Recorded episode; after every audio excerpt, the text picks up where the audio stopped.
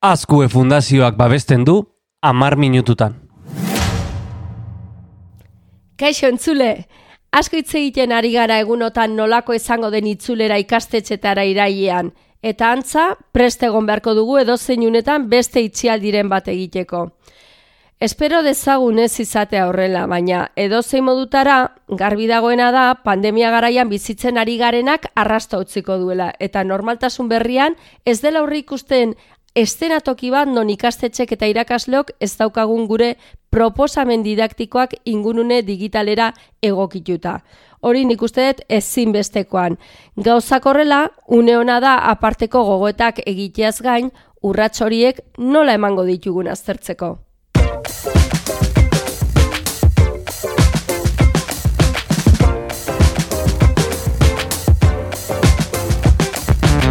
Horixi izango da gaurko saioan landuko dugun gaia.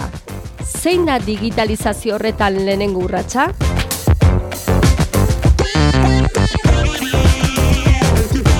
Maite goni naiz, eta hau amar minututan da, hezkuntza eta teknologia, hau da teknopedagogia, uztartzen dituen podcasta.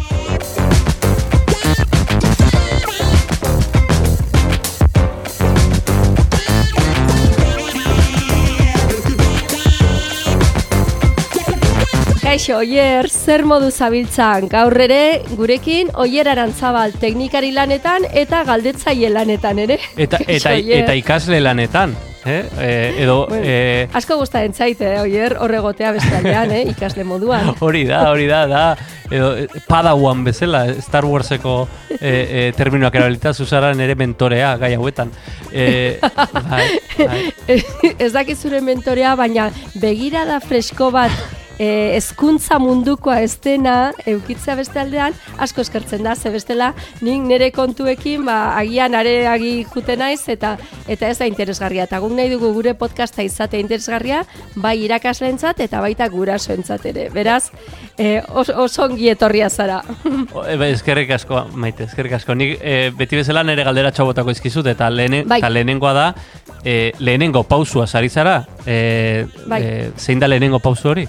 Bai, e, esan nahi dudana da, e, askok aurrez aurre eman dituzte klaseak eta bapatean pandemia garaian izan dute behar hori noski digitalizatzeko egiten ari zirena, baina gehiegi planifikatu gabe eta orain daukagu beste aukera bat, ba, hori aurrera eramateko. Beraz, hori horrela, zein izango litzateke lehenengo pausoa, urratsa eman beharrekoa, ba, lehenengoa zalantzari gabe e, plataforma hautatzea izango litzateke.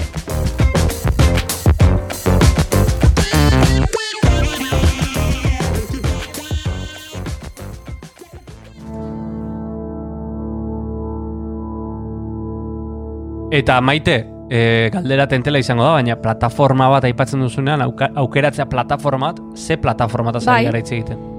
E, plataforma zitzeiten ari garenean, ba, normalean hezkuntzari begirako plataformak LMS-ak izaten dira, Learning Management System, eta horrek esan nahi du, ingurune digital bat, ba, hainbat e, e, aplikaziorekin, eta hainbat funtzionalitaterekin. Adibidez, ba, e, horriak sortu, edo, bueno, webguneak esan nahi dut sortu bere horretan, edo foroak komunikatzeko ikaslekin, edo galderak edo azterketak egiteko aukera, edo bestelako jarduerak e, ipintzekoa, integratzeko adibidez bideokonferentzia bat, ba, horrelako plataforma ugari daude ez, eta hori izango litzateke lehenengo urratsa nun ipini behar ditugu gure sekuentzia didaktikoak edo gure baliabideak besterik ez bada. Ni e, Moodle etortze zait burura, ez? Unibertsitatean erabilik genuen, hori da plataforma bat? Bai, oier, horixe da, Moodle da plataforma horietako batez, badu plaza bat, non baliabideak jarditzakezun eta bar, eta gero ba, ikaslekin komunikatzeko foroak, eta bar. Horixe da LMS bat, edo Learning, Ma- Learning Management System bat. Alere, oier, badaude beste batzuk, eta gaur ezagutu egingo ditugu.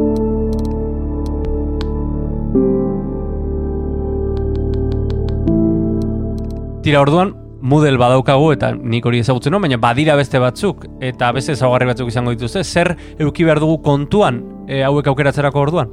Bueno, gauza desiente, ez? E, izan behar dira kontuan, zalantzari gabe bat izango da helburua e, garrantzitsuena, ez? Zein dan e, plataforma hori erabiltzearen helburua beharrak ze behar ditugun, komunikatiboak, didaktikoak eta bar, eta gero beste kontu bat garrantzitsua da norentzat e, edo e, norentzat izango dan plataforma hori.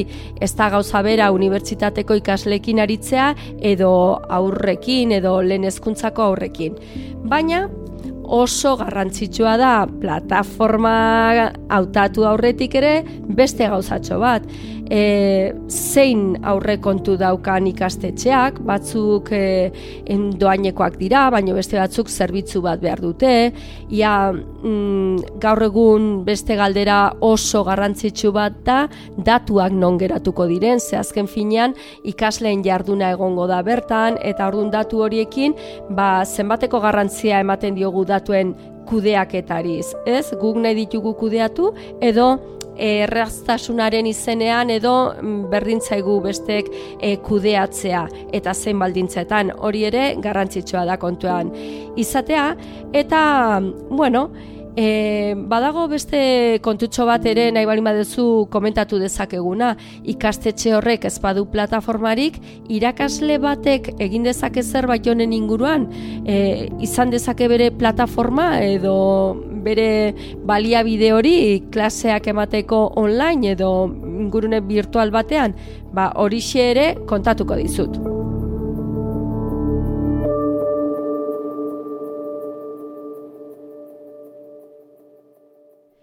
Bueno, ba, baditugu Moodle esandakoa ematen du aukera ba, jarduerak entregatzeko, foroak ezartzeko, e, kalifikazioen jarraipena egiteko, testak egin ditzakegu, egutegi bat ere integratuta dauka, eta gero modelek daukan ona da, ba, ia edo zer integratu litekela bertan, ez? Bai, hemen e, asko erabiltzen ari da ezkuntzan Google adibidez, ba, Google Drive eta horiek ere posible da integratzea bertan, ba, pluginen bidez ere gauza desente, Dropbox, Evernote, gauza asko integra litezke. Eta gero ba, badauka analizia, analitika egiteko aukera ere ikasleek ba, non ibili diren, jarraipen hori egiteko. Ez dugu aztu behar, e, Moodle software askea dela, eta beraz, bueno, hoien datu hoien kudeaketa ero ikastetxeak egin ditzakela edo egin dezakela kudeaketa hori edo eusko jarlaritzak balin baditu zerbitzarietan eta barba berak egin dezake. Ba hortxe daukagu model, baina badira beste plataforma batzuk agian e, gaztetxoentzat edo erakargarriagoak izan litezkenak. Eta horiek dira adibidez, Schoology eta Edmodo.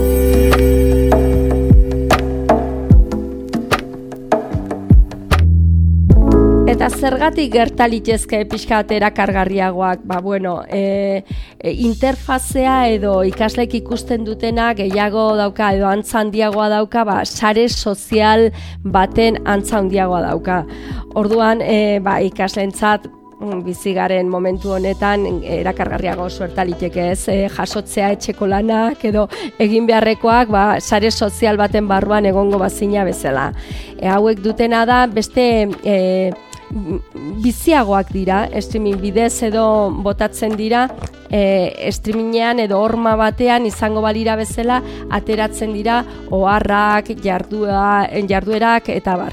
Eta bueno, azken finean ematen dituzten aukerak, ba, mudelek baino gutxiago edo eskaxiagoak dira, baino nahikoak eta gehiegi ba, e, gure beharrak asatzeko, ez? Adibidez, ba, jarduerak bidali, jaso, e, egin e, noten jarrai jarraipena, kalifikazioak eta horrelako kontu guztiak. Moodle esan bezala kudeatu egin behar da eta zerbitzari batean dago eta bar, baina beste biak nahi izan ezkeo probaditzak ez ez sarean daude eta kontu bat sortzearekin ba, abian ipin zaitezkete.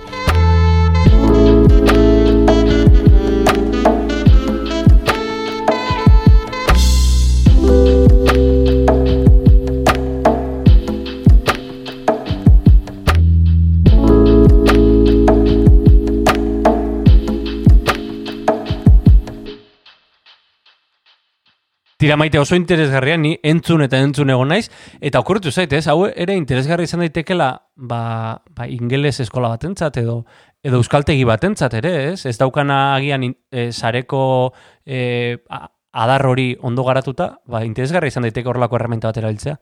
Bai, bai, oie, e, zalantzari gabe edo noren zatez, e, edo norbaitik nahi balin badizkio klaseak eman bizilagunei, edo, edo beste foro txikiago batean, ez? Klase partikularrak emateko, edo horretarako, bai, bai.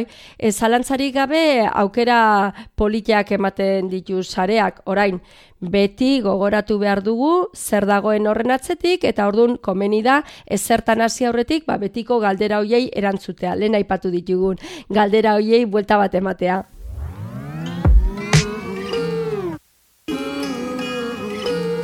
Amar minututan maite goinirekin.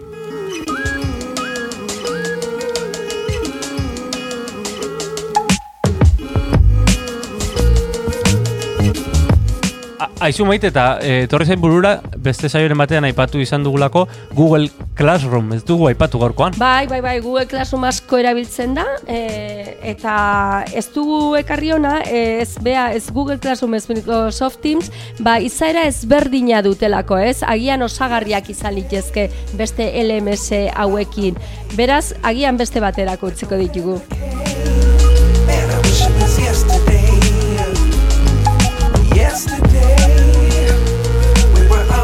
Oier, ba, honean iritsi gara guengo honetan, lehenengo urratsa esan dugu, ez da? Lehenengo urratsa da, plataforma hautatzea. Behin plataforma horretan gaudela, ba, urrengo saioan hitz egingo dugu zer zein urrats edo zein izan liteken urrengo urratsa. Bai, eta nik, e, baia, e, cliffhangerrekin bezala jarraitzen dut e, serie hau, ez? Urrengoa ze gertatuko da urrena, ez? Zer, zein da urrengo kapitulua?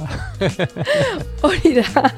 Ba, bueno, ba, urrengoan jakingo dugu oier, eta besterik gabe animatu, e, sare sozialetan gaude, nahi bali baduzue gairen bat e, lantzea edo, ba, eskatu besterik ez duzue Twitterren gaude, amar minututan, eta podcast plataforma ia guztietan, ez, oier? Ba, nik esango nuke guztietan, da ez balima gaude, abisatu bestela, zeigoko dugu horra ere. Horixe da, urrengor arte. Aio, aio!